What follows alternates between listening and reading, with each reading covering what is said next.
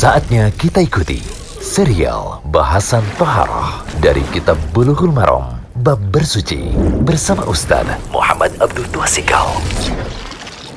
Alhamdulillah, salatu wassalamu ala rasulillah wa alihi wa sahbihi wasallam.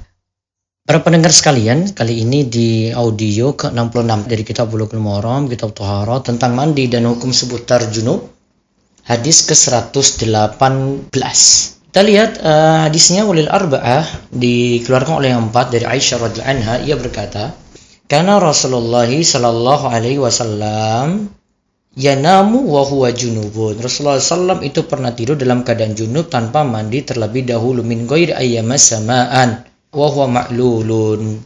Bahwasanya Rasulullah SAW itu pernah tidur dalam keadaan junub tanpa mandi terlebih dahulu. Di sini maklulun, maklul punya cacat. Ya, di sini maklul punya cacat. Nah, faedah hadis, boleh saja tidur dalam keadaan junub tanpa berwudu. Namun begini catatan, jika memang wajib mandi junub dan hubungan intim terjadi di malam hari, boleh saja tidur dan mandinya ditunda hingga mendekati waktu subuh. Namun disunahkan berwudu sebelum tidur. Bahkan sangat disunahkan.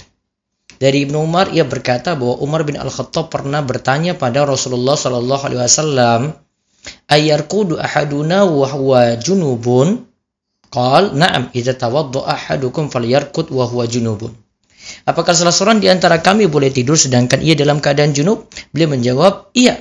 Jika salah seorang di antara kalian junub hendaklah ia berwudu lalu tidur. Hadis ini riwayat Bukhari dan Muslim dari Aisyah radhiallahu anha ia berkata, karena Nabi sallallahu alaihi wasallam idza arada ayanama wa huwa junubun ghassala farja'u wa tawadda'a lis-salati. Nabi SAW biasa jika dalam keadaan junub dan hendak tidur, beliau mencuci kemaluannya lalu berwudu sebagaimana wudu untuk salat. Hadis riwayat Bukhari. Aisyah pernah ditanya oleh Abdullah bin Abu Qais mengenai keadaan Nabi Shallallahu Alaihi Wasallam. Kaifa kana yasna'u fil janabah? Akana yaktasilu qabla ayyanam? Am yanam qabla ayaktasila.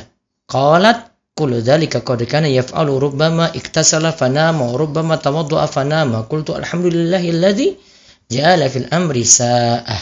Kemudian bagaimana Nabi SAW jika dalam keadaan junub? Apakah beliau mandi sebelum tidur ataukah tidur sebelum mandi?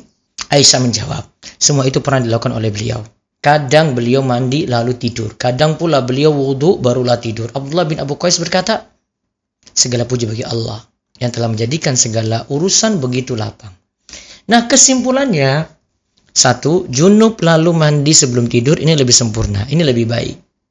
Terus junub dan wudhu terlebih dahulu sebelum tidur ini yang disunahkan untuk memperingan junub. Yang ketiga, junub dan wudhu lalu tidur seperti ini masih dibolehkan. Semoga manfaat. Demikian serial bahasan Toharoh dari Kitab Bulughul Maram Bab Bersuci bersama Ustaz Muhammad Abdul Tuasikal.